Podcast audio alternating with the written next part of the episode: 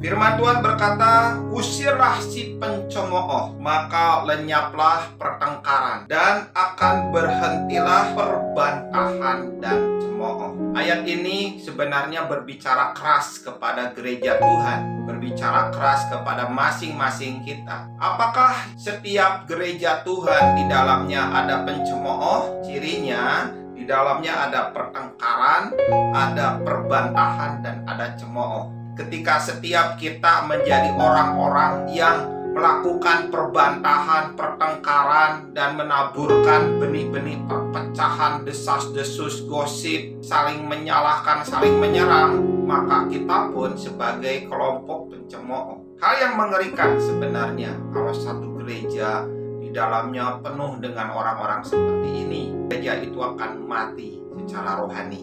Karena itu Bapak Ibu, pada hari-hari terakhir ini takutlah akan Tuhan. Hentikan perbantahan, hentikan cemooh,